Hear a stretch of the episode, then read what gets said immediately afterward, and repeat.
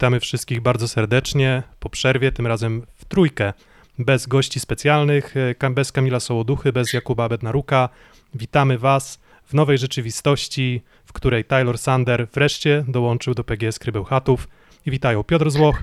Kuba Lewandowski, który się nie odezwał jeszcze, Filip Korfanty i Kuba. No, Kuba Lewandowski, myślałem, że to się zmienia i będę teraz trzeci, no.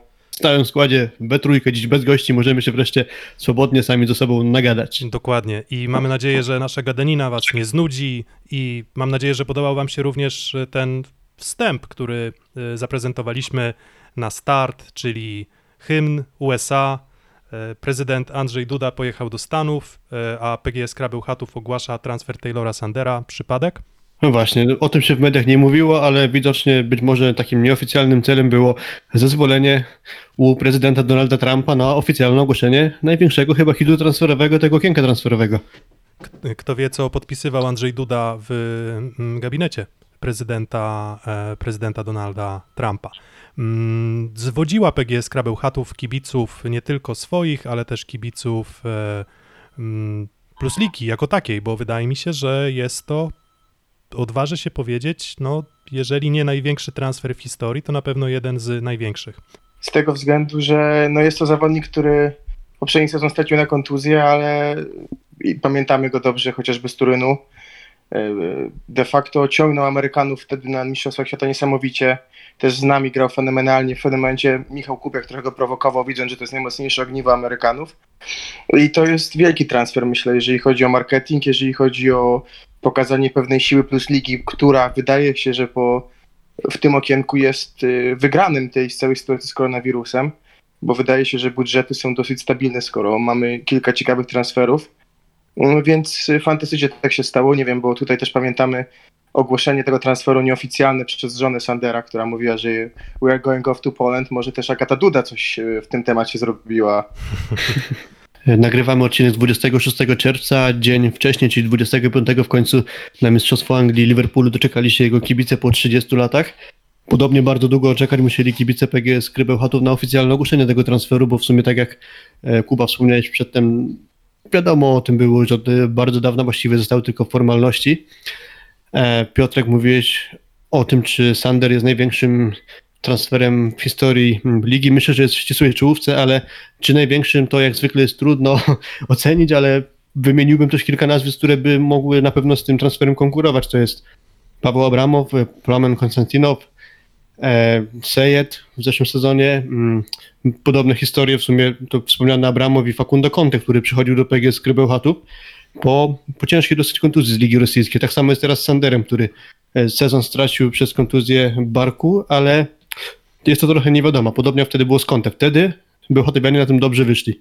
Trudno jest mi wskazywać jeszcze inne kandydatury, które byłyby na tym samym poziomie, natomiast biorąc pod uwagę, że mówimy o 28-letnim e, reprezentancie Stanów Zjednoczonych e, i to takim etatowym reprezentancie, który mm, no, wydaje się być no, filarem no, jednej z najmocniejszych reprezentacji na świecie, no to pomijając te transfery polskie wewnątrzligowe, no to z tych zagranicznych wydaje mi się, że chyba jednak postawiłbym na, na Taylora Sandera. No jest to też nieprawdopodobnie medialny transfer. Nie dziwi mnie też to, że PGS Krabełchatów tak grzała e, ten transfer i to gdzieś tam podpuszczali kibiców, e, ten transfer też Jenixa Franciskowi, Franciskowicza, ogłoszony wcześniej drugiego rozgrywającego PGS Kry, który gdzieś tam już zahaczał o Kalifornię, więc kilka takich mrugnięć oczkiem było. No ale też i na Instagramie się wygadała po prostu e, partnerka Taylora Sandera, no i było wiadomo, no i, i nie, nie macie takiego poczucia, że jakby doceniam to, w jaki sposób ten transfer był podgrzewany, ale czy nie macie poczucia, że plotki transferowe w tym okienku popsuły nam wszystkim zabawę? Mało było takich zaskoczeń, które gdzieś A, a wiesz co, chyba naj, najbardziej popsuł wszystko Grbić, nie? Kiedy e, Kuba Kochanowski jeszcze był, no nie, chyba było pewne już, że przejdzie do Zaksy, no ale to nie było tak dużo plotek, pamiętam, w tym okresie, po prostu szybciutko Grbić powiedział, że no wchodzimy w sezon i przyjdzie nas Kochanowski, tak, i to dzisiaj ogłoszony został on chyba przedwczoraj, tak, albo wczoraj, a Grbić to powiedział, nie wiem, w kwietniu bodajże, albo w maju, także no to chyba on najbardziej wszystkim popsuł, a szczególnie e, pracownikom marketingu grupy Azoty Zaksy Koźle popsuł.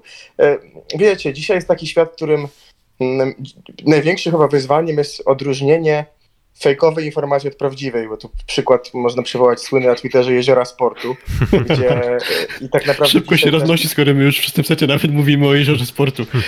Czy jest portal Tak, de tak. facto informujący o Nie, tym, co się dzieje w piłce nożnej. Jest zakład, jeden z bookmacherów e, daje zakład, chyba 500 do jednego jest kurs na to, że L'Equipe, La Gazeta dello Sport albo e, jedna z hiszpańskich gazet, nie wiem czy marka, opublikuje informacje od Jeziora Sportu w internecie, także, także no, e, to jest problem chyba dzisiaj, że cały czas mamy dużo informacji w temacie i nie wiadomo, która jest prawdziwa, która nie. Ja się, ja się oczywiście zgadzam, tylko no, nie mogę jednak pozbyć się takiego wrażenia, że w tym okienku e, to wszystko było wiadomo już wcześniej. Mm, wszystko było wiadomo dużo, dużo wcześniej. Gdzieś te kuluarowe informacje okazały się być zadziwiająco dokładne, bardzo szybko i to nawet w zasadzie o większości klubów. Nawet na, nie wiem, na forum strefy siatkówki e, można było wyczytać informacje na przykład o tym, kto przejdzie do Indykpolu AZS Olsztyn, no i w zasadzie potwierdziło się to z niebywałą skutecznością. Mm, No i coś, co jeszcze mi trochę odebrało, mm, jak już tak analizujemy cały ten okres transferowy, to coś, co mi odebrało trochę magii, to jest to, że mm, chyba do początku czerwca było w ogóle embargo na ogłaszanie transferów wewnątrzligowych. Tak mi się wydaje, że kluby chyba się trochę dogadywały, że tam pojedyncze transfery się przenikały do świadomości, ale, ale co do zasady raczej nie unikano informowania o ruchach między klubami. Mm, No a potem w zasadzie zaczął się czerwiec. E, W lipcu większość klubów już będzie zaczynać przygotowania, no i te marketingowcy klubów i, i, i władze starały się bardzo szybko i mocno upakować te transfery, więc muszę przyznać, że nie było łatwo się połapać we wszystkich ruchach. Mm, Wiesz co, trochę to wynikało chyba z tego odnośnie tego późnego ogłaszania transferów, czy właściwie czekania na czerwiec. Pierwsza sprawa to jest to, co jest powtarzane co roku, że różne są długości kontraktów zawartych przez y, siatkarzy i, i to ma wpływ właśnie na tę sytuację, czyli czekamy aż zawodnikowi skończy się kontrakt z poprzednim klubem i dopiero wtedy go ogłaszamy. E, Druga sprawa jest taka, że czekamy z ogłoszeniem nowego transferu do momentu, aż jego były klub go na swoich social mediach, w swoich so- social mediach pożegna.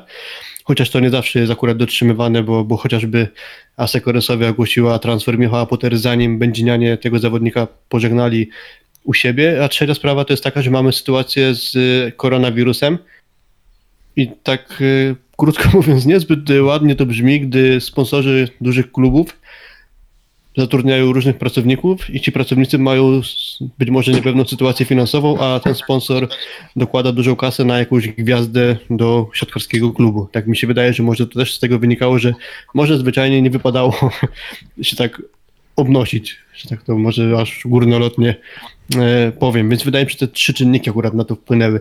Co do w ogóle początku e, tematu, w ogóle mnie ten transfer Taylora Sandera dzisiaj jakoś nie, nie poruszył ani w jedną, ani w drugą stronę, bo, bo właśnie od dawna już byłem na niego gotowy i co by Bełchatowianie nie robili, w jaki sposób by go nie przedstawili, nie wiadomo jakie fajerwerki, wodotryski, kompletnie by to na mnie żadnego wrażenia nie zrobiło, bo po prostu byłem z tym oswojony, a gdyby to było na zasadzie, że nic nie wiemy, nie wiemy kto będzie nowym przyjmującym skry i bym dzisiaj przeczytał, że przyjdzie Taylor Sander, no to trochę by mi się temperatura albo ciśnienie podniosło na samą myśl o tym, wow, Taylor Sander w PGS Przybyłchatów.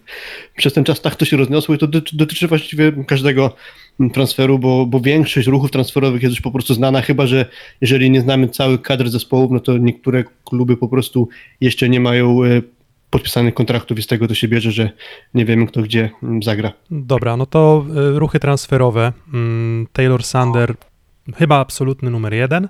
Mm, No a co dalej? Mm, Jakbyście się zastanowili, czy o ruchach wewnątrzligowych, czy, czy ruchach nowych postaciach w lidze, to, to, to kogo wskazalibyście jako, jako takie postaci, o których można powiedzieć, no wow, to jest zawodnik, który naprawdę w tej lidze powinien zrobić różnicę. Kuba.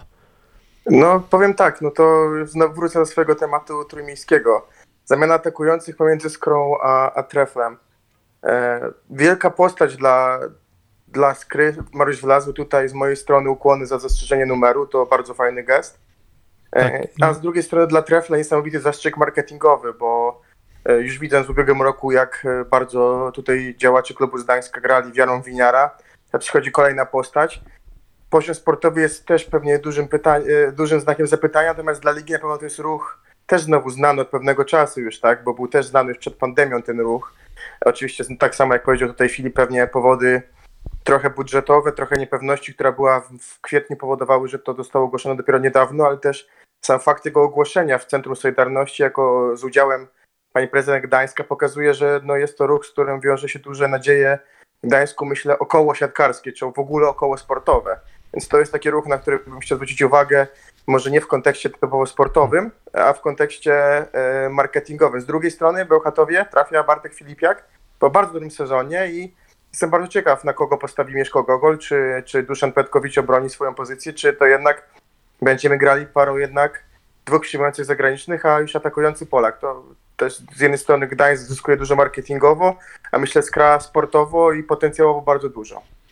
Trochę problem się zacznie robić w momencie ewentualnej podwójnej zmiany, jeśli na boisku będzie Sander Badipuri i dalej Duszan Petkowicz, bo wtedy już Jennings Franciskowicz y, nie wejdzie, a odnośnie właśnie przed tym ogłoszenia Taylora Sandera i tego, że wcześniej ogłoszony właśnie został amerykański rozgrywający, to pojawiły się takie żarty, że on właśnie został sprowadzony po to, żeby e, zrobić w konia kibiców skry, czyli wszystko do siebie pasowało. E, balkon Juli w Weronie, Amerykanin, z NCAA, z Ligi Włoskiej, grał w Weronie, jeszcze- no to, i ta- no to i ta- inny, no, no Sander, no. No i ta, i ta Kalifornia jeszcze tam trochę naciągana była, bo, bo znaczy, na- naciągana jak nie naciągana, bo miejsce urodzenia e, Jenningsa Franciskowicza to chyba Chi- akurat Chicago, a, a Kalifornia to miejsce, z którym się utożsamia i to, to tutaj ludzie też szukali, no a może to już będzie e, Taylor Sander. No ale Skra wyczekała, e, wyczekała z transferami, no i mm, co do samego Mariusza Wlazłego, jeszcze Kuba wracając na chwileczkę do tego tematu, no mm, obawiam się trochę, że no, jeżeli Mariusz Wlazły będzie miał problemy z utrzymaniem mm, formy sportowej, a wydaje mi się, że już od jakiegoś czasu, no nawet Kamil Sołoducha przyznał, że już, już w pewnych miejscach Mariusz Wlazły sportowo może nie, nie, nie, nie dawać rady, no to Kevin Sasak to chyba nie jest ten kaliber zawodnika, Nie, nie, który, mógłby, który mógłby pomóc drużynie, w której Wlazły będzie grał słabiej. Mm, Okej, no może to będzie dobrze grało z, z Marcinem Januszem, który też wydaje mi się umiejętnie kreował e, Filipiaka w poprzednim sezonie na tym prawym skrzydle, grając naprawdę szybko i dokładnie. Mm, Może tutaj też trochę ułatwi to Mariuszowi Wlazłemu atak, ale no to chyba nie jest to już zawodnik, który jest od kończenia dużej liczby piłek sytuacyjnych. Mm, No więc wydaje mi się, że no tak jak, no takie dokładnie tak jak mówisz, sportowo na tym, na tym e, PGS Kra zyskuje. E, Marketingowo, no pytanie, czy marketing to jest wszystko, ale cieszę się, że Mariusz Wlazły też został w, w Lidze Polskiej i nie, nie, nie mam poczucia, że ten, że ten ruch do Gdańska jest rozmienianiem się na drobne. Mm, No i co dalej w PGS? To nie jest Sławek Peszko, nie? No tak, no nie jest to, nie jest to Sławek Peszko, no to jest też człowiek o nienagannej chyba i też kulturze i przygotowaniu i takim podejściu profesjonalnym do, mm, do, do swoich obowiązków, więc i dlatego myślę, że i w miarę długowieczny może być. Mm, No ale tak, PGS Krabeł Chatów to nie tylko Mariusz Wlazły, to nie tylko, znaczy nie tylko transfer Filipiaka, to nie tylko transfer Sandera, no ale też chyba trzeba powiedzieć, że na tej takiej roszadzie Kochanowski, Bieniek Skra też nie straciła. Okej, według mnie tutaj Filip, nie wiem czy się zgodzi, że to jest dzisiaj Bieniek jest chyba jednak zawodnikiem jeszcze troszeczkę wyższego kalibru niż Kochanowski z uwagi na doświadczenie i na to, że wydaje mi się, że w biegiem roku praca z De Giorgiem i czy y, rywalizacja z Simonem go umocniła. No Mateusz Bieniek na pewno do jeszcze niedawna był, miał pewne mankamenty w bloku. Od jakiegoś czasu znacznie się pod tym względem poprawił. Dlatego ja się zgodzę. Gdybym miał wybierać środkowego do swojego, do swojego zespołu i miałbym do wyboru Kochanowski Bieniek, wybrałbym Bienka. I nawet mi to nie przeszkadza, że on niezbyt często grał we Włoszech i wydaje mi się, że nawet gdyby w, tej, w tym Lubę został, to, to spokojnie na Igrzyska by się załapał, grając tyle samo, co w poprzednim sezonie. E, Jeśli miałbym postawić się w warunkach PGS Krybełchatów tego, że jest epidemia, że takich tej klasy środkowych i jeszcze Polaków na rynku za wielu nie ma, no to Skra wylądowała najlepiej jak można po prostu. Jeśli Kochanowski już musiał odejść, to, to nie było dla niego le- lepszego zastępstwa moim zdaniem od Mateusza Bieńka. Więc akurat pod tym względem y, po prostu Skra dobrze na tym wyszła. Wydaje mi się, że dobrze też mogło wyjść jednak mimo wszystko na tym, że, że Mariusz Wlazły, już legenda klubu, jednak się z tym zespołem pożegnał. Przedtem wspominaliśmy o tym, że żona Taylora Sandera się wygadała w social mediach, że państwo Sanderowie się wybierają do Polski, ale też dużo wcześniej, jak grom z jasnego nieba spadła na nas w siódmej strefie wiadomość, że Mariusz Wlazły opuszcza PGS Grebełchaty, więc to też było takie trochę przedwczesne ogłoszenie czegoś, co, co można było zrobić z większą gracją moim zdaniem. Ale akurat trzeba przyznać, że jeszcze to, gdzie tam Mariusz Wlazły trafi przez przynajmniej tydzień, dwa tygodnie od tego ogłoszenia w siódmej strefie jeszcze pozostawało tajemnicą. Mm, PGS Krabełchatów, wydaje mi się, że za nami no transfery bardzo mocne. Jeżeli wszyscy będą zdrowi, mm, jeżeli wszyscy będą grać na swoim poziomie, to, no to wyrasta nam, myślę, że no kandydat do medalu na pewno. Murowany, murowany. Do medalu na pewno, no a ze złotem to się okaże. O tych naszych przewidywaniach przedsezonowych jeszcze porozmawiamy, gdy, gdy sezon będzie się zbliżał i myślę, że po prostu każda drużyna jakiś tam swój odcinek poświęcony sobie będzie e, też mieć. Zasługują na to wszyscy. Mm, no a kto inny? Kto dalej? Kto, jakie jeszcze transfery według Was e, robią różnicę? Filip Aseko Resowia Rzeszów. Kolejna transformacja, kolejna przebudowa. Mm, no i znowu z nadziejami, że się uda. Weszła Rysowia razem z drzwiami, można powiedzieć, w rynek transferowy, bo takie nazwiska, jakie teraz się pojawiły, no to mogą robić wrażenie, chociaż akurat to jest klub, który często jest dobrym dowodem na to, że nazwiska nie grają, ale wszystko ściągnięcie Fabiana Drzyzgi, który jest, okej, okay, to są takie trochę slogany, dwukrotny mistrz świata, ale aktualnie po sezonie, w którym był kapitanem Lokomotivu Nowosybirsk, czyli drużyny, która zdobyła Mistrzostwo Rosji, to to jest moim zdaniem bardzo duże wydarzenie. E, oprócz tego mamy Klemena Cebulia, no to też jest zawodnik już bardzo wysokiej klasie i też o, ugrunt, o ugruntowanej pozycji e, we Włoszech, no ale po rewelacyjnym sezonie z Karol Butryn, Jeff Jendryk, Szerszeń, Kuba, e, powrót, powrót Nikolasa Tak, Nikolas Szerszenia. Szerszeń po rewelacyjnym e, sezonie. Wy tego nie widzicie, Kuba coś gestykuluje, ale widzę, że już chyba mu wszedłem w słowo i ten, i mogę kontynuować. e, tak. No to chyba największe te transfery wymieniliśmy, ale czy, można by tego znaleźć trochę więcej. Robert Tech kiedyś też świetnie grał w Plus ostatni sezon miał stracony w Perudzie, ale, ale to też zawodnik, który będzie grał na, tak sądzę, może grać na bardzo wysokim poziomie, także bardzo wzmocniona Rysowia. Idąc dalej, Flavio. Co sądzisz, Piotrek? I, I, nie wiem, chyba pierwszy reprezentant Brazylii, jakiego mieliśmy w Plus Lidze. Nie wiem, czy, czy, czy wcześniej jeszcze ktoś był, bo mm, mówię, mówię o takich aktualnych, którzy na moment przybycia do naszej ligi faktycznie w tej, tej kadrze e, się znajdują. I, no i muszę przyznać, że no tak, co prawda ja nie jestem aż tak hura optymistyczny w tym sensie, że to cały czas nie uważam, że to jest ten najwyższy światowy poziom, ale myślę, że samo to, że, że takiego środkowego ściąga zawiercie, no to trochę bym to przyrównał do, mm, do Sejeda, czyli, czyli, czyli wydaje mi się, że pod kątem nazwiska i też potencjału sportowego, to, to, to wydaje mi się, że, że to jest nazwisko bardzo mocne jak na drużynę, o której też możemy porozmawiać za chwilę, ale no, będzie trudno walczyć o medale, a mimo wszystko mm, taki zawodnik się, się trafił. Mm, przy czym wydaje mi się też, że Liga Brazylijska trochę została rozebrana mm, w tym sezonie. Mam wrażenie, że tam te, te, te, Myślę, że nawet bardzo. Myślę, że nawet, no właśnie, nawet bardzo. Te problemy finansowe akurat na lidze brazylijskiej się odbiły bardzo mocno. No i trochę też wychodzi, w te, że w tych czasach trudnych sportowo piłka nożna chyba broni się bardziej, jest po prostu popularniejsza, no i często te wydatki może łatwiej jest jakoś uargumentować. Siatkówka w wielu krajach stanowi sport drugiego, trzeciego, czwartego szeregu. No i w Brazylii wydaje mi się, że właśnie ten drugi szereg widać, że po prostu tych pieniędzy jest mniej. No ale to tylko dobrze dla naszej Plus Ligi, no bo tych Brazylijczyków też, też nie brakuje. No, nowych Brazylijczyków. Tak, oprócz, tak, oprócz Flavio na pewno bardzo dobry ruch Będzina, czyli ściągnięcie na rozegranie Tiago Veloso, czyli zawodnik nazywany Tiaginio po prostu. Siatkarz już z doświadczeniem na europejskich parkietach, bo spędził jeden sezon we Włoszech w Mulpecie i poprzednio grał we Francji w Rennes. Tia, Oprócz tego no, duże doświadczenie. Proszę? Tiaguinho to mały Tiago, więc jakby było po polsku Tiażek? Tiażunio. Tiażunio, Tiażunio. No to tia, Tiażunio w Będzinie. Tak, ale Ale akurat jeśli chodzi o klasę, to z małością ma niewiele wspólnego, bo myślę, że to jest bardzo dobry zawodnik i. Ale jak na siatkarza niewysoki. Że... Ale jak, jak na rozgrywającego tam 180 kilka centymetrów chyba, ale no dla rozgrywającego nie jest najważniejsze. Ale nie wiem, czy nie wyższy od Punitiego jednak. No to... Ale tak, tak, nie, tak jak mówisz, to to nie jest najważniejszy parametr do gry na tej pozycji. Zresztą w ogóle mam wrażenie, że coraz mniejsze znaczenie mają warunki fizyczne w ogóle zawodników w siatkówce, ale to jest temat na inną zupełnie dys dyskusję. Oprócz tego Brazylijczycy w Będzinie jeszcze będą na przyjęciu. Będzie e, Fabio Rodriguez i e, Ademar Santana.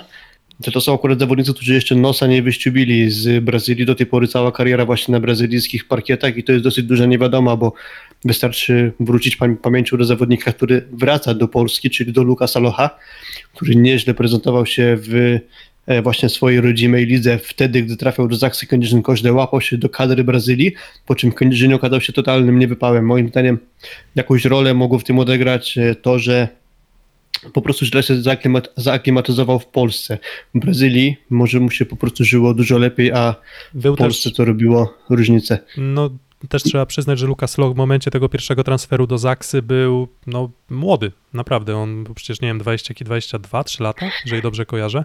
Mm, Nie wiem, nie, nie wiem, czy nie nawet mniej. Mm, No i przychodził trochę z taką łatką osoby, która no, w drużynie aspirującej do, do, do, do wysokich celów ma robić swoje, no a swojego zdecydowanie nie robił, no i tam bardzo dużo błędów w przyjęciu robił, z tego co pamiętam.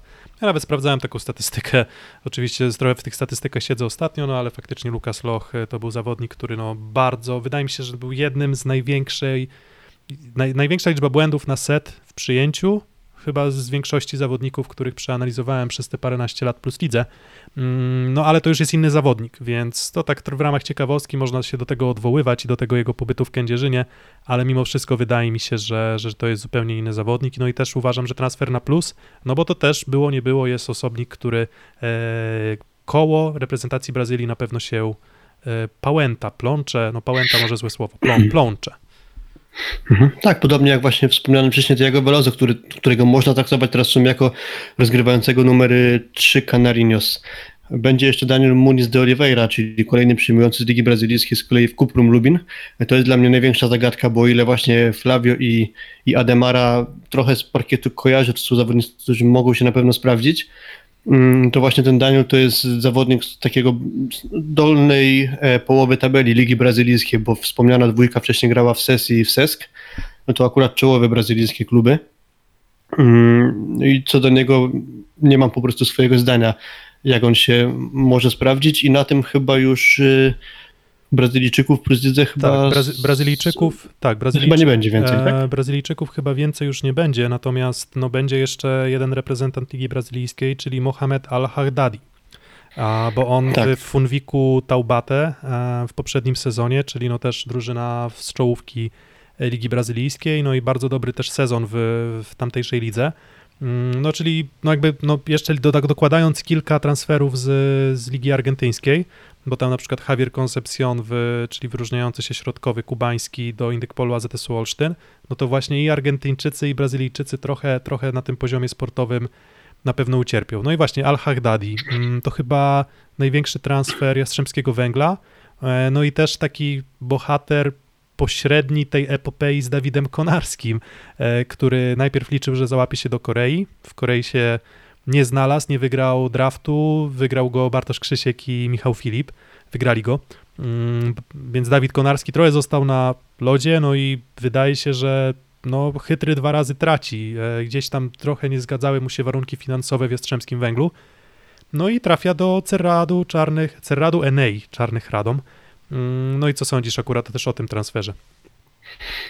O transferze Dawida Konarskiego, jak rozumiem, czy E, Al-Haddad Może, Al-Haddadiego, dobra, może, może, się najpierw, może najpierw al, al, W sumie to al, al, właściwie te druhy są chyba jakoś ze sobą Tak, właśnie dlatego, powiązane. dlatego je Mm, sprytnie skleiłem. Al-Haddadi Al-Haddadi robił na mnie wrażenie, że grając jeszcze w lidze francuskiej, on stamtąd trafił do Bibo Valentii i zagrał większość sezonu na rewelacyjnym poziomie. Akurat miał Damian domagała pecha, bo to był jego klubowy e, kolega. Mm, No i Damian przez to niewiele boiska, niewiele czasu mógł spędzić na parkiecie w trakcie meczu, bo właśnie Marokańczyk spisywał się świetnie, po czym e, stamtąd e, powędrował właśnie do Funbik Taubaty, gdzie większość sezonu był podstawowym atakującym i grał bardzo dobrze, po czym w okolicach już końca rundy zasadniczej rewe- m, e, regularnie zaczął grać Leandro Bizotto, tylko możemy się zastanawiać, czy problemem było to, że Marokańczyk zaczął grać trochę słabiej z końcówką sezonu, czy może wpływ na to miały pojawiające się informacje o tym, że Al-Hajdadi od jakiegoś czasu nie dostaje pensji do swojego klubu.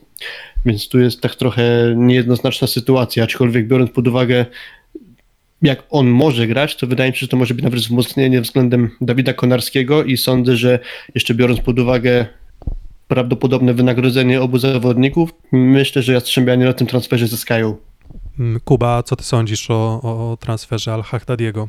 I czy, czy Jastrzębski Węgiel wygrywa na tej wymianie? W sensie to jest lepszy zawodnik od Dawida Konarskiego, gorszy?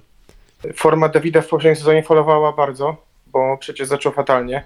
Znamy te mecze, co było jego gra na poziomie, nie wiem, 7%, 14%. Potem było lepiej, ale czy Dawid jest taką wartością, która spowoduje, że warto za niego płacić tyle pieniędzy, ile on sobie życzył? No to jest pytanie. No tutaj wydaje mi się, że marokański transfer, transfer Marokańczyka jest na plus, ponieważ to jest zawodnik, który sezonów, które widzieliśmy właśnie tak jak tutaj Filip powiedział we Włoszech, to jest zawodnik, który jest trochę bardziej zajedynkowy, to fakt, natomiast broni się swoją grą i może dać dużo więcej siły, bo gdzieś ta siła będzie chyba bardziej potrzebna na, na prawym skrzydle teraz w Jastrzębiu przy, przy bardzo ciekawym transferze Rafała Szymury i który prawdopodobnie w duecie zagra z Tomaszem Fornalem, no to tam był potrzebny bardziej Młotek chyba jako trzeci, bo gdzieś żaden z tych dwóch e, przyjmujących nie jest jakoś stricte ofensywny, więc stąd wydaje mi się, że to się też zgadza e, pod kątem stylu Greki będzie proponować drużyna Luka Reynoldsa po prostu, więc wydaje mi się, tak jak powiedział Filip, że to jest e, w tej sytuacji Jastrzębie wyszło na plus.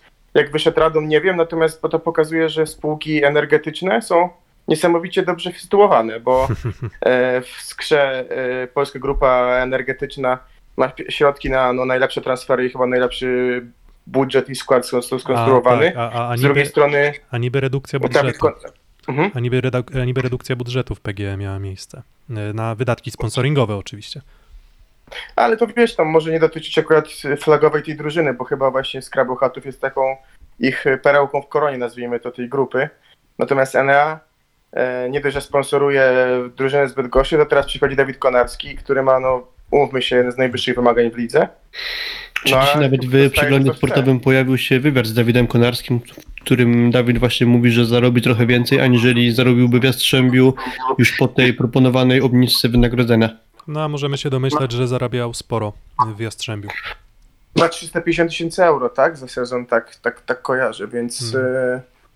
No to są spore pieniądze. Tak, no, no Dawid Konarski jest trochę niewdzięczną postacią do oceny, no bo to jest taki atakujący, który nie popełnia zbyt dużej liczby błędów i paradoksalnie ta jego efektywność ataku jest dość wysoka, jeśli tam ujmiemy błędy w ataku i bloki, czy powiedzmy ataki zablokowane. Mm, Ale no nie zmienia to faktu, że tak czasem chyba kibice po prostu chcą zobaczyć zawodnika właśnie w stylu Al-Haddadiego, który, który po prostu ma bardzo dużą siłę i, i, i skoczność i on po prostu nie będzie się bawił w półśrodki. Mm, Więc, no ale to jest na pewno bardzo ciekawy transfer. Tych transferów takich y, międzyklubowych jest y, naprawdę sporo. Mm, No bo tak, Kochanowski do Zaksy prawdopodobnie, bo jeszcze nie mamy oficjalnego ogłoszenia, no ale, ale myślę, że, że, że to jest pewniak. Mm, No mamy tego Tak Konarskiego. było, było chyba już, czy nie? Tak, było oficjalne potwierdzenie.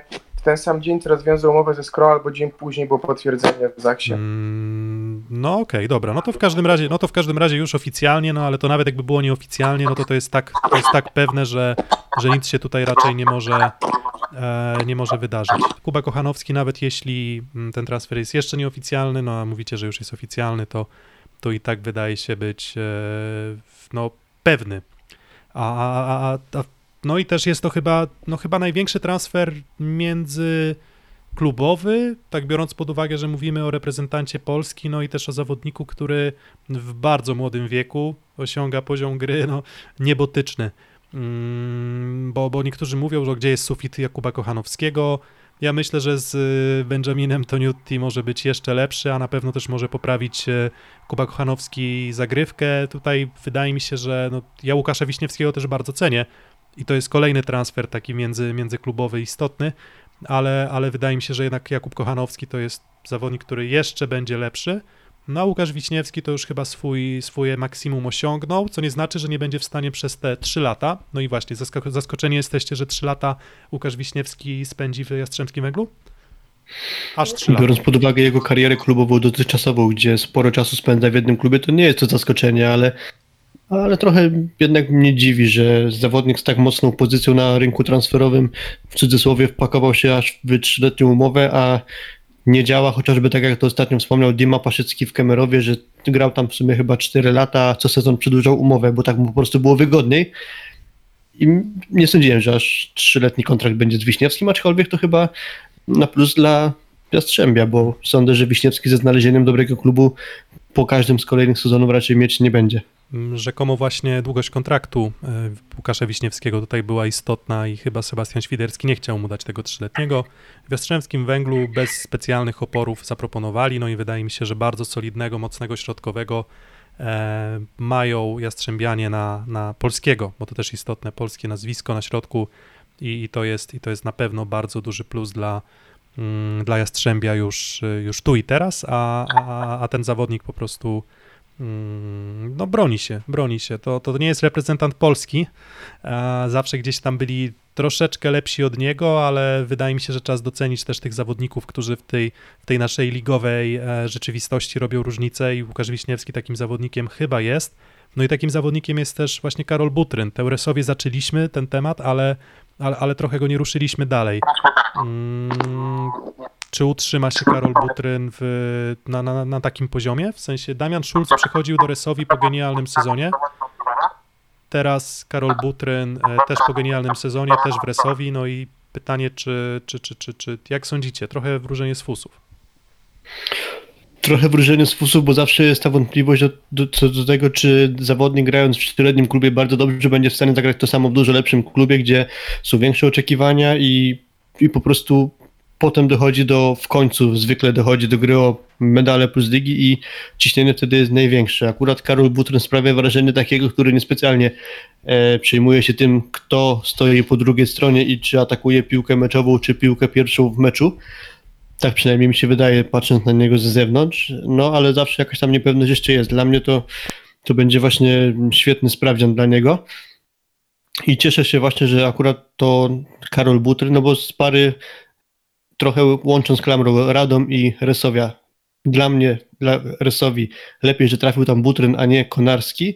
I z kolei z perspektywy czarnych wolałbym akurat, żeby został Butryn, a nie przed Konarski. No ale skoro już Karol Butryn e, zdecydował się Radomian opuścić, no to względnie nieźle czarni mm, wylądowali.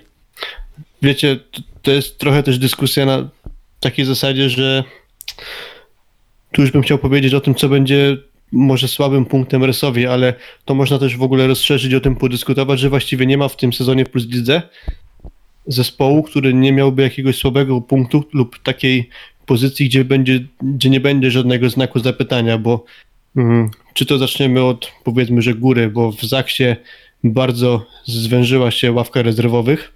Niepewna jest sytuacja atakującego, bo będzie tam Łukasz Kaczmarek, który jest po sezonie, gdzie właściwie nie grał, tak na szybko idąc dalej, Jastrzębie, no to osoba trenera Luke Reynolds, ok, dobrze zastąpił e, zwolnionego w poprzednim sezonie e, e, trenera Santiliego, ale to było tylko kilka spotkań, nie wiadomo jak to będzie na dłuższym dystansie, a nie tak jeszcze dawno został zwolniony z Berlina, z Berlin Recycling Police, gdzie był pierwszym trenerem i musiał odkurzony zostać Sterion Mokulesku. Dalej mm, w Jastrzębiu w sumie niepewna tak do końca e, sytuacja z Lukasem Campą, który ma kontuzję barku, leczył kontuzję barku i, i nie wiadomo kiedy do końca wróci do gry. Wprawdzie wiadomo, że tam już będzie emiter Waporti, więc przynajmniej na jakiś czas zostało to jakoś ta pozycja zabezpieczona, ale mamy dalej PGS Krebełchatów, gdzie jest Kasper Piechocki, mimo ogólnie świetnego składu, no to jednak e, można mieć wątpliwość, czy Kasper Piechocki to jest zawodnik do gry o czołowe pozycje idąc dalej, Warszawa to jest pozycja atakującego chociażby, e, zawiercie pozycja drugiego przyjmującego, czyli ok, o ile można się um, przy, skłaniać ku temu, że Halaba ok, to świetny przyjmujący, ale już zawodnik do pary z nim, no to jest spora nie wiadomo. I tak właściwie z każdym, z każdym zespołem można dojść do tego, że coś tam może nie zagrać, może się coś nie zgodzić. A ja może tutaj trochę wejdę w kontrę, bo wydaje mi się, że po pierwsze transfer, tak jak powiedziałeś, Butyra to jest dla mnie strzał w dziesiątkę, bo e, tak pa pamiętam jak ja byłem, e, chyba każdy z nas był zadowolony z transferów Resowi rok temu, no ale jak teraz porównamy je do, do, do, do tych obecnych, to te obecnie, obecne są po prostu bardziej sensowne, no bo przychodził Bartman, y, który już jest jakby swój top ma za sobą, a te przychodzi Butrym, który jest cały czas na krzywej wznoszącej.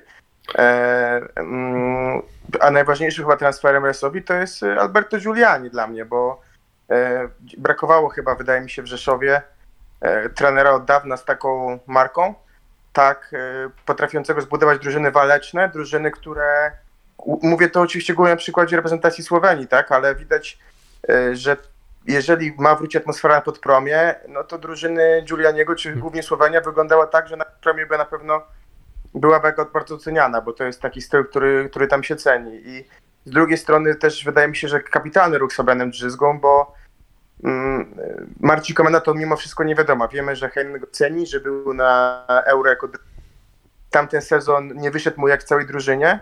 I pytanie, czy kolejną tą presję budowania znowu drużyny wobec niego on by wytrzymał, więc jeżeli pojawił się Fabian na, na rynku, no to według mnie ta decyzja się mega e, broni. Mamy szkielet, trener, zawodnik e, na rozegraniu, który, który jest, wydaje mi się, najmocniejszy w lidze, więc to będzie wielki atut. e, Lesowi, szczególnie, że Fabian po prostu z jednego pieca jadł i, i nie że był na podpromiu, to, to widział sporo, tak, i dużo wygrał w swoim życiu Tak, już. i, i Jeżeli chodzi o Jastrzębie, to zgadzam się, jeżeli chodzi o tenera Reynoldsa. E, Z drugiej strony bardzo ciekawy, bo ja chciałem trochę poprowadzić dyskusję w kierunku naszych przyjmujących, bo szalenie dużo było ruchów transferowych odnośnie naszych przyjmujących. Przyjmijmy, że oni są, nazwijmy ich młodymi, tak? No bo Halaba, w drugą stronę Lipiński, tak? Potem e, e, Szymura, bardzo sensowny do Jastrzębia, więc bardzo nam się liga chyba będzie jeszcze ciekawsza niż w ubiegłym roku, bo, bo chyba ta czołówka się troszeczkę zagęściła. Mm, trochę się zagęściła, ale jednocześnie, nie wiem, tak w zeszłym sezonie miałem takie nadzieje, że to będzie naprawdę taka walka w zasadzie do ostatniej kropli krwi, o, o, czy, czy, czy powiedzmy, nie wiem, czołową czwórkę. Trochę się ta czwórka wykrystalizowała i w pewnym momencie plali aż puchło wszystkich dookoła. Teraz wiadomo, każdy sezon jakąś tam swoją historię własną, e, własną napisze, natomiast coś, co na pewno bardzo cieszy, no to nie wygląda na to, żeby ta liga miała być słabsza niż w poprzednim sezonie.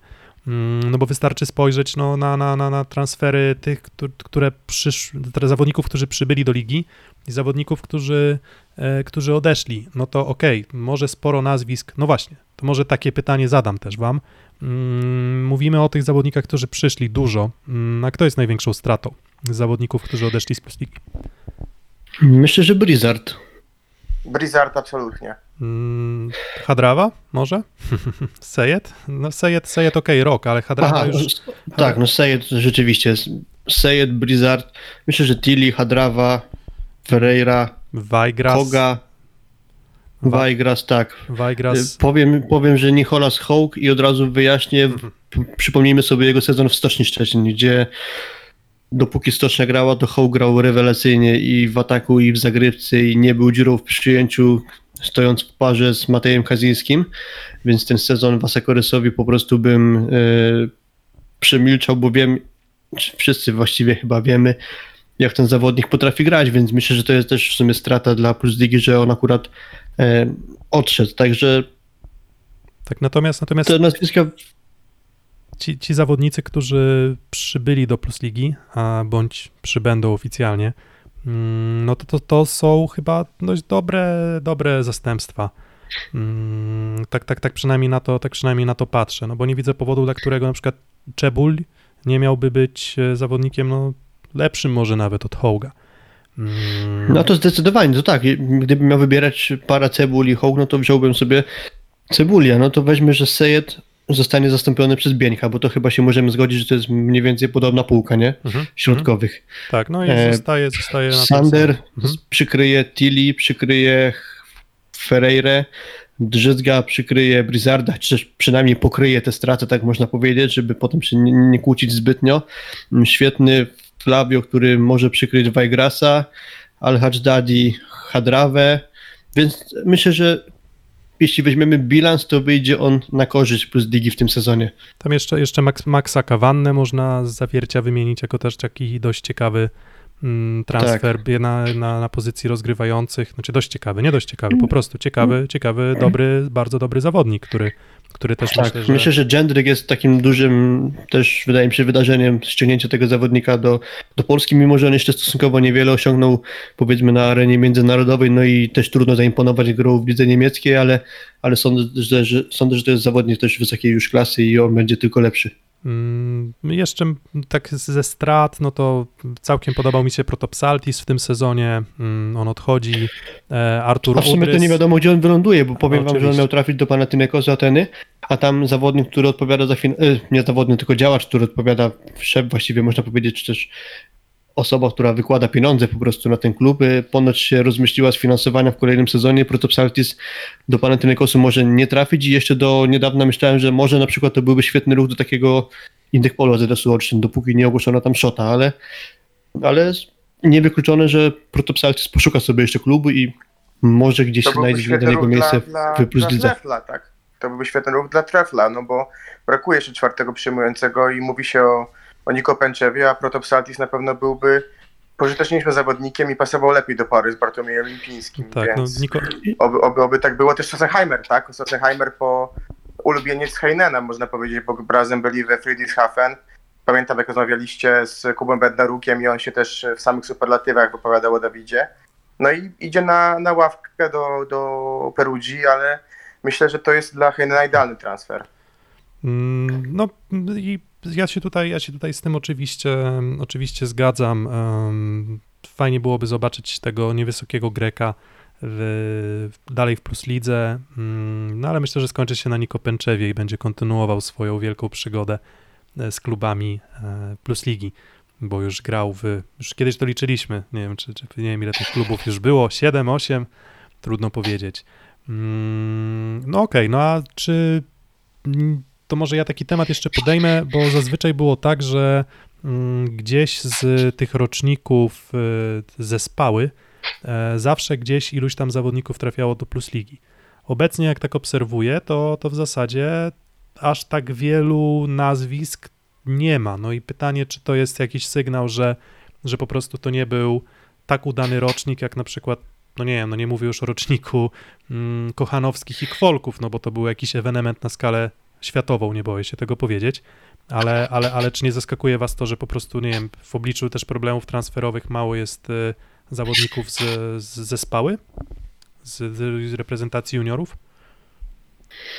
Czy w ogóle to dużo jest zawodników, bo to mówimy o zawodnikach, którzy mieliby docelowo mieć rolę uzupełnienia składu i może Oczywiście. to nawet lepiej, że skład będą uzupełniać solidni pierwszoligowcy, bo ich jest też bardzo dużo akurat, e, nowych twarzy w Plus Lidze. No a faktycznie zawodników zespołu jest y, niewielu. Mi się wydaje, że po prostu trafił nam się trochę słabszy rocznik, ale to, to nie chcę teraz może wchodzić w szczegóły, bo to o tym może kiedyś indziej po prostu pogadamy.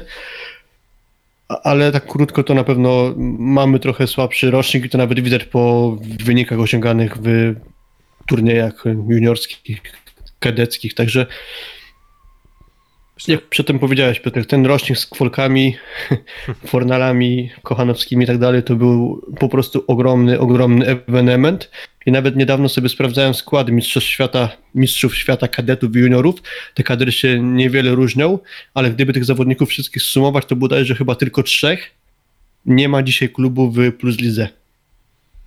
Ale to jest evenement, jeszcze raz podkreślę, evenement. Tak, więc y, no, kilku, kilku zawodników na pewno, um, na pewno trafia, no bo tam z tego co kojarzę, Michał Gierżot w Jastrzębskim Węglu, Karol Urbanowicz w Gdańsku, mm, no, mhm. Nowowsiak Maciej chyba Nowowsiak w, w Radomiu, w tak. Radomiu na Libero, Jakub Czerwiński do Indykpolu AZS Olsztyn prawdopodobnie, Mm, Patryk Cichosz-Dzyga, więc no jest kilku zawodników też, którzy gdzieś tam się pojawiają, ale żeby to było jakieś takie wejście ławą, to, to, to, to absolutnie, absolutnie nie. No i chyba też nie ma co się spodziewać, że akurat ci zawodnicy jakoś bardzo mocną rolę odegrają w nadchodzącym sezonie.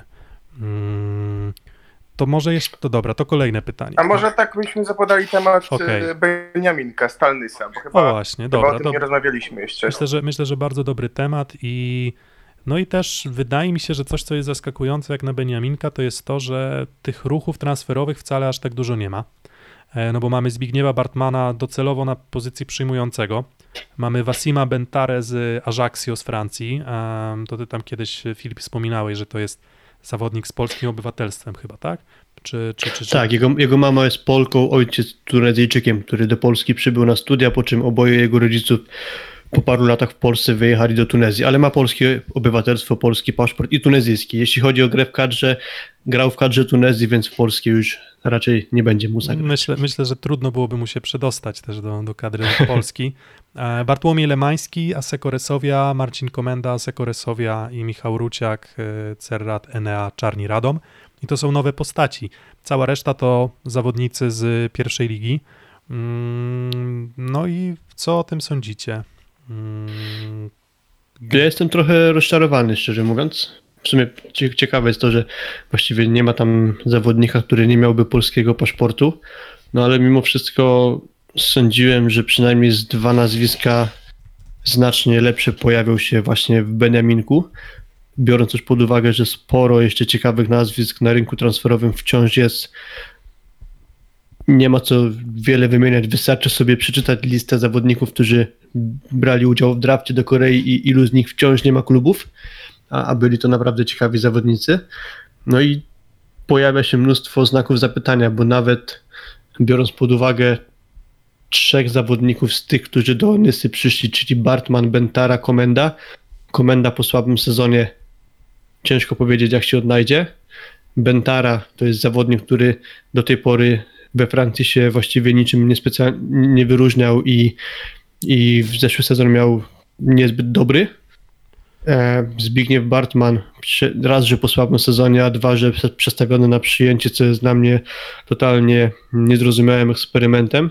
Jeszcze biorąc pod uwagę, że pamiętam go na tej pozycji przed mniej więcej chyba trzema lub czterema laty, czyli w jego pierwszym sezonie w Argentynie, gdzie on był właśnie od początku sezonu ustawiany jako przyjmujący i wyglądało to w niektórych ustawieniach dosyć zabawnie, można powiedzieć, gdzie Bartman w roli przyjmującego stał na mniej więcej linii 9 metra, pozostała dwójka odpowiedzialna za przyjęcie, czyli libero i drugi przyjmujący, we dwóch musieli właściwie sobie z tym radzić, po czym z biegiem sezonu kontuzji doznał ich atakujący podstawowy, więc Bartman wrócił na pozycję nominalnego atakującego, ale to było dawno, Bartman ma coraz więcej lat, wiele lat przyjęcia nie przyjmował i ja jestem ogromnie mm, zaniepokojony tym, że po prostu zawodnik sobie z tym nie poradzi, no a jeżeli nie poradzi sobie Bartman, no to jest tam na przyjęciu Bućko, Łaprzyński i Długość. Wszyscy z e, przeszłością w Plus Lidze, ale żaden z nich to nie jest zawodnik moim zdaniem jakiś o, o, dużo, o dużej klasie, tak po prostu krótko mm. powiem. No mnie, mnie zadziwia znaczy... to, że tylko no w zasadzie nawet nie, no nie ma ani jednego obcokrajowca. Jeżeli Wasima Bentare liczymy jako Polaka,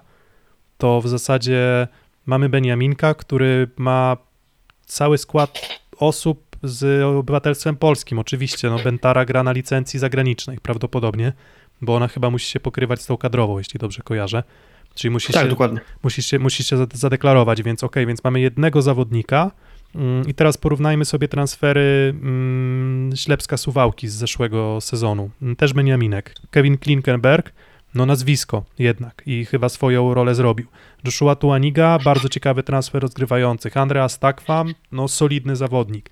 Nikolas Szerszeń, wypożyczenie, no to trochę taka też specyfika, że no w zasadzie był no powiedzmy Polakiem, ale chodzi mi o to, no porównując te dwie drużyny, wydaje mi się, że jednak Ślepsk dawał większe nadzieje na to, że, że, że, że będzie to drużyna, która jakoś tam mm, różnicę w lidze zrobi. I mnie osobiście bardzo zaskakuje, że no, Krzysztof Stelmach y, bardzo konserwatywnie podszedł do, do budowy składu.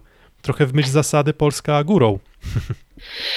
Wiesz co, jest tak często w czasie naszych audycji, że ktoś mówi przede mną i mówi dokładnie to, co chciałem powiedzieć. To był tego przykład, że właśnie chciałem pokazać, że dla mnie czapka dla To, to, to musisz, się, to, mus, to musisz powalczyć, musisz się przepchnąć, wiesz, powalczyć dokładnie, o posiadanie mikrofonu. I, i, i, i my, myśl i tak zbuduje wokół tego, że Andrzej Kowal był, y, to pokazało dla mnie duży szacunek wobec niego, wobec jego znajomości, wobec jego scoutingu yy, drużyn z USA, bo to widać i choćby o poszerszeniu, który trafiał przecież do do, do Stanów pod Rzeszkim, e, widać właśnie po Tuanidze, e, a zabrakło tego wyraźnie u Krzysztofa Stelmacha i ja naprawdę jest bardzo sceptyczny, bo, bo tak, Bućko odbił się od Bielsko-Białej, Długość był, jak dobrze pamiętam, w Zawierciu, prawda, i został mm, pożegnany w pierwszym sezonie. Drużyna tak samo, więc to, to jest... Y, zespół, który Lemański z transferem, może powiem tak, Lemański to jest pewny transfer, jeżeli będzie zdrowy. Bartman, no ten pomysł jest dla mnie szalony. Bentara to nie jest zawodnik e, pokroju naszego sympatycznego Maraka Strzębia, więc tutaj nie widzę, żeby to był zawodnik nieomylny. Po drugie, to będzie, e, poprawcie mnie, że się mylę, ale to chyba zawodnik, który nigdy nie grał w innej lidze niż francuska. E, W sensie mów- nie mów- mówię o Wielkiej Trójce, chyba nigdy nie grał w Wielkiej Trójce, czyli u nas on z Tunezji wyruszył do Francji i tam spędził całą karierę, dopóki właśnie nie wyjechał do, do Polski, do Nysy. No i z, jakiego, właśnie, i z jakiegoś powodu, i z jakiegoś powodu tamtę karierę spędził, no a, Liga, a z Ligi Francuskiej raczej się wyrywa zawodników, jeśli tylko się wyróżniają, więc coś tu nie gra. Dokładnie. No, no ale fakt jest taki, że Bentara właśnie się nie wyróżniał w tej lidze francuskiej, dlatego no jest to dla mnie skakujący ruch, biorąc pod uwagę, że no, ma za rywala Łukasza Kaczorowskiego, który też furory do tej pory w Lidze nie zrobił, aczkolwiek jeden sezon, chyba tylko jeden sezon spędził właśnie w Zawierciu zaraz po... Zawierciu jeden sezon. tym, jak Zawiercianie awansowali. Mhm, Łukasz tak, tak. robił awans, ale potem e, chyba w pierwszym sezonie ktoś już na ataku, chyba Grzegorz Bociek, tak, już był podstawowym. Natomiast Tak, e, ale myślę, że to jest główny kandydat do spadku, ja tak powiem, bo gdzieś w prawdzie siatki mówiono o Będzinie, mówiono o Lubinie, a jakby gdzieś chyba ta Stalnysa ma jak, na razie chyba trefę ulgową po prostu z uwagi na to, że są Beniaminkiem, ale mm, nie widzę myśli w tej drużynie budowania tak naprawdę tej, tej Znaczy, drużyny. no, trzeba, trzeba oddać e, Stalinysa, że no, pozamiatali pierwszą ligę, prawda? No to, to, to trzeba przyznać. Mm, Przy czym, Tak. no, wy... Ale wiesz, to jedno z drugim się nie łączy, nie? tak, Często. nie, ja, ja absolutnie, się, absolutnie się z tym zgadzam i do tej pory te takie starcia barażowe pokazywały, no może poza zawierciem z Częstochową, no ale akurat ta Częstochowa już była w jakimś stanie całkowitej degrengolady. Mm, raczej pokazywała, że no jednak jest różnica nawet pomiędzy ostatnią drużyną plus ligi, a, a, zwycięzcą pierwszej ligi i ja się przyznam, że no oczywiście no nie, nie, nie powiem, że śledziłem jakoś namiętnie pierwszą ligę, no bo po prostu też jest i to, i to trudne i, i, liczba spotkań jest ograniczona. Mm, Patrząc po suchych wynikach, no to są zawodnicy, którzy się wyróżniają. Mm, No samym Łaprzyńskim chyba też Jakub Bednaruk się w naszym podcaście wypowiadał, że, że on akurat Łaprzyńskiego to nawet i by chciał w, w, w swojej drużynie, że dla niego to jest naprawdę solidny, e, solidny zawodnik. No i wydaje mi się, że no też potrafi, potrafi zagrać nieźle. No ale, no nie wiem, no jak sobie pomyślę o środku, no to no Zajder, Szamlewski, Mustafa Mbaye, no to okej, no w Suwałkach też z tym środkiem może nie było jakoś kolorowo, jak patrzyliśmy na tam e, Sapińskiego, Sieka czy Rudzewicza, mm, jakoś sobie poradzili, no ale tam te uzupełnienia drużyny moim zdaniem były zdecydowanie na, na wyższym poziomie, no i też to byli zawodnicy tacy na, na, na, na wznoszącej bym powiedział, a tutaj masz tak, masz Bartmana, Mm, No, tak jak wspominacie, no już swoje lata. Michał Ruciak, on nie gra źle, on jest dobry na libero, no ale no też to nie jest zawodnik, który, e, który wchodzi z jakimś tam powiewem świeżości. Bartłomiej Lemański znak zapytania w formie, myślę, że kandydat do gry na najwyższym, na najwyższym poziomie i nawet może do reprezentacji Polski, ale jak jest zdrowy, no więc Bartłomiej Lemański wypada, no i nagle ten środek wygląda bardzo mizernie. Wasim Bentara się nie spisuje, no i Łukasz Kaczorowski, wyróżniający się atakujący pierwszej ligi, będzie musiał, mm, będzie musiał trochę tę sytuację ratować. No, spodziewałem się odrobinę, odrobinę więcej. Mm, Zwłaszcza, że było w kim wybierać na rynku transferowym, także powiedziałem to przedtem, jestem zawiedziony po prostu kompozycją składu Nissan. Nys, Nissan, tak można powiedzieć? Mm, Ni- Nis, Nissan? Nie, Nys, chyba, chyba, chyba Nys, Nys, Nissan. Dobra, Stali spra- Nissan. Ja chyba Stali Nissan, wiecie? sprawdzimy to. Chyba Nissan, serio. sprawdzimy to, przygotujemy się, żeby nie było, mm, nie było wątpliwości, żebyśmy jakichś tam błędów nie popełniali, jak już będziemy rozmawiać o tym sezonie nadchodzącym plus ligi. Mm, To co, to jeszcze może jakieś, nie wiem, nieoczywiste nazwiska na sam koniec. Y, Ktoś, kto według was e, przychodzi z taką łatką talentu, albo liczycie, że zrobi jakiś tam duży skok e, rozwojowy zawodników, którzy mm, mogą też wnieść trochę kolorytu, takiego też powiedzmy wynikającego z, z, z, ich potencjału sportowego.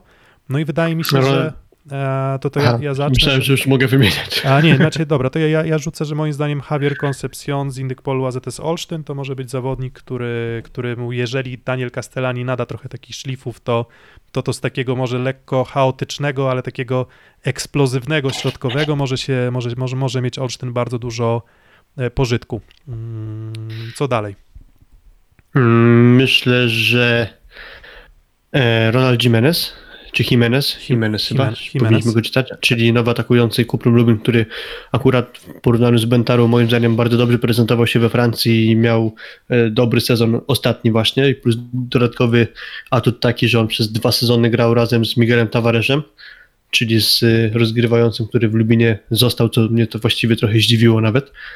E, oprócz niego, te- nieoczywiste trochę nazwisko Tiago Veloso, chociaż akurat dla mnie to już jest zawodnik z dosyć ugruntowaną pozycją e, w świecie No, siatkówki. no można, Dalej, można go nazwać nie wiem, reprezenta- reprezentantem Brazylii, chyba śmiało, tak? To, to, to nie jest no okej, no, to, tak? no to może to nie jest jakiś taki ale, nieoczywisty... ale, ale, ale, dla mnie, ale dla mnie to jest, ja się zgadzam, dla mnie to i myślę, że dla wielu to nie jest oczywisty zawodnik, no bo to nie jest zawodnik, który, no nie wiem, no ostatni sezon w, we Francji, w Rennes Volley, tak, tak. nie mówię- I nie oni mówię- grali świetnie. tak, oni, oni, grali, oni grali naprawdę dobrze i gdzieś tam byli w czołówce, zresztą podobnie jak i Trinidad De Haro, to myślę, że to jest też kolejne nazwisko, które może dobrze się pokazać, że myślę, że on może nie jest na poziomie Antuana Brizarda, na pewno nie jest, ale, ale myślę, że to jest rozwojowy cały czas gracz.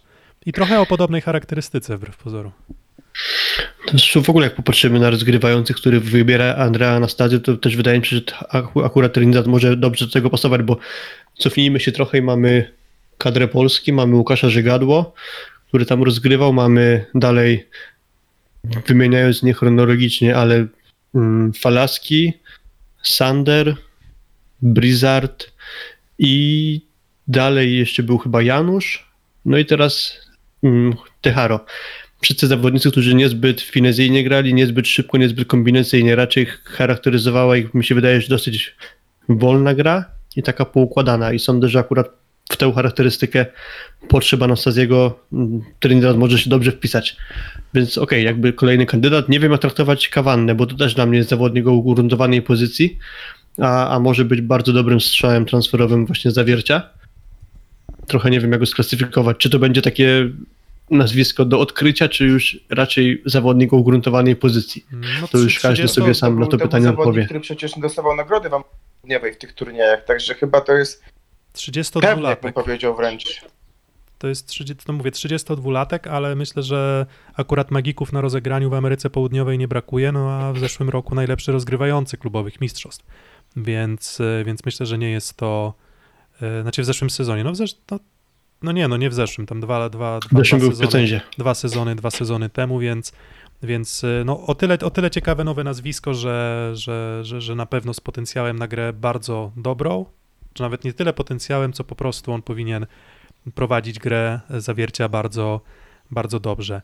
Mm, a No ja mogę Polaków trochę, czy nie? no śmiało, oczywiście, no to jesteśmy tutaj, by myślę, porozmawiać że, o myślę, wszystkim. że ciekawy transfer Szymona Kubisiaka, bo on chce zagrać i jestem bardzo ciekaw jak będzie, bo potencjał ma niesamowity, natomiast przy swoich warunkach fizycznych nie wiem, czy jest na tyle plastyczny, żeby sobie poradzić na przyjęciu, bo momentami w Gdańsku dawał rady, kiedy wchodził na zmiany, e, czy też dwa czy trzy razy zaczynał mecz e, w szóstce i wtedy już było różnie, więc duże tutaj ryzyko e, drużyny z Lubina, a z drugiej strony z Tavareszem może mieć fajne granie, więc to jest bardzo ciekawy dla mnie tutaj transfer. Z drugiej strony przychodzi Bartek Lipiński i to jest myślę ktoś, kto ma ko- kolosalny potencjał rozwojowy, bo e, trochę podobnie jak, nie wiem, patrzę, Łukasz Kaczmarek, trochę, e, że to jest ktoś, kto idzie krok, do, krok po kroku do przodu i to też jest taki dla mnie ciekawy transfer, bo na nim będzie bardzo się mocno opierać gra gdańska, myślę, w następnym sezonie i, i jestem ciekaw, jak coś z tej roli się wywiąże już w drużynie, która gra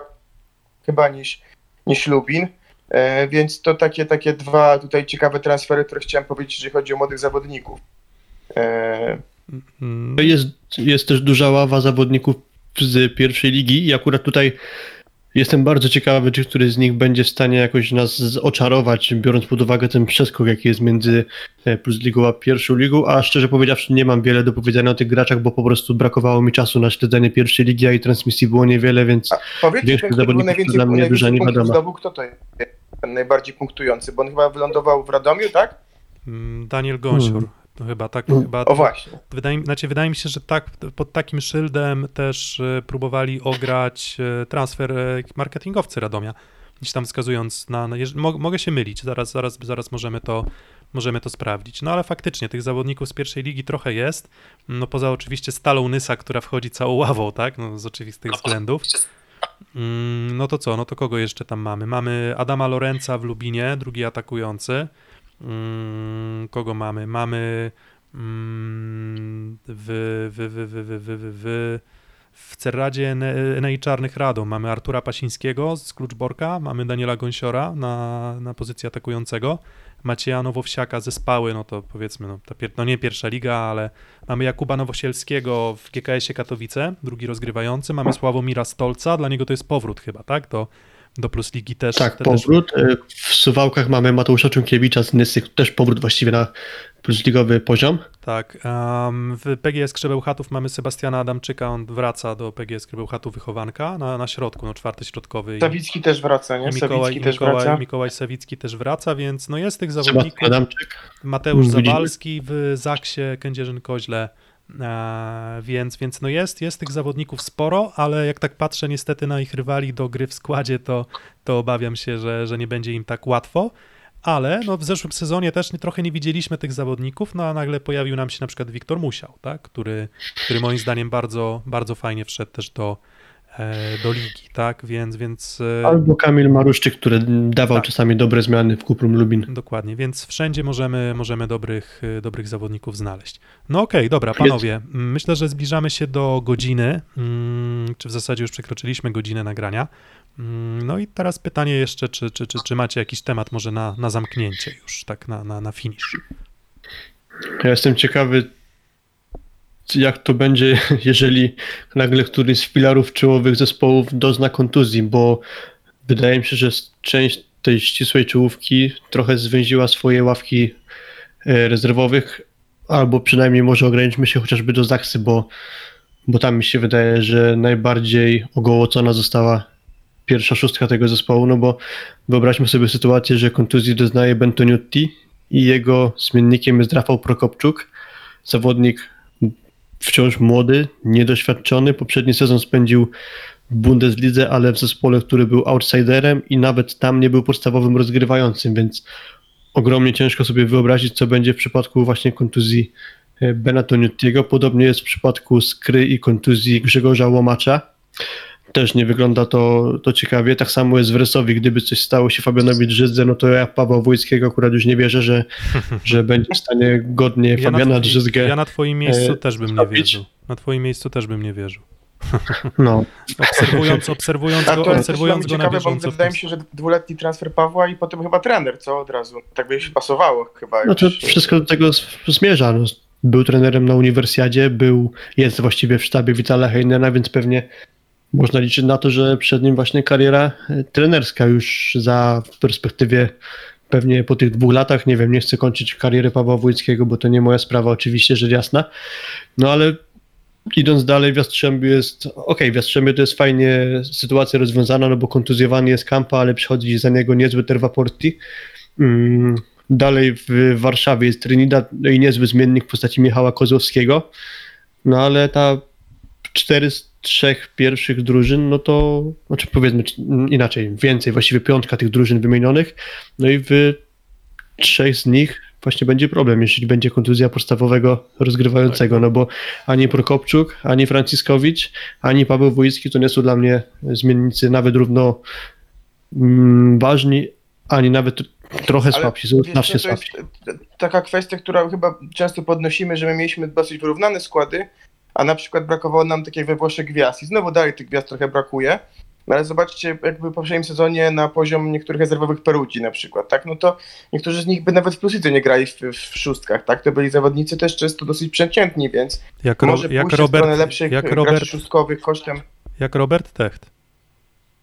No, albo, albo albo tam grał Lanza sporo i zmiennikiem był Płotnicki, za którego wiele bym dał, żeby zagrał w Plus To prawda, ale wiesz, to jedna rzecz, Filip, tak Ale, ale generalnie że- zgadzam się, że Perugia nie miała tam re- rewelacyjnej zmiennik. Zaksa się wzmocniła tam, gdzie miała największe braki, no bo e, nie mówiąc, o, kiedy przyszedł awaryjnie Barotti, to już było lepiej, ale były takie sezony, gdzie Sławomir Jungiewicz przecież był rezerwowym, a teraz przychodzi Bartłomiej Klut, który, który jest po ciekawym okresie w, w Weronie, gdzie, No, gdzie no, tam za dużo Tybuaje nie pograł, no ale Znaczy właśnie, bo, bo to jest taki trochę no, człowiek zagadka, bo on ostatnio regularnie grał jeszcze w Espadonie Szczecin, bo gdy była stocznia, to już był Bartosz Kurek. i Bartłomiej Klut niedługo później zwinął się do Ligi Izraelskiej, po czym właśnie trafił do Werony i tam właściwie nie powąchał boiska, więc to i tak nigdy nie był dla mnie zawodnik, który był jakąś czołówką ligową, a teraz biorąc pod uwagę ile Ale miał rekordzistą jest ligi. Tak, e, no mam wrażenie, że sporo dobrego w jego wizerunku właśnie robi to, że mówi się o nim jako rekordzista plus ligi, a, no, e, tak a rekordu nie robi się co mecz, nie? Tylko to się 16, trafia dosyć e, e, rzadko takie mecze. We wszystkich spotkaniach Serie A 16 razy atakował Bartłomiej Klut.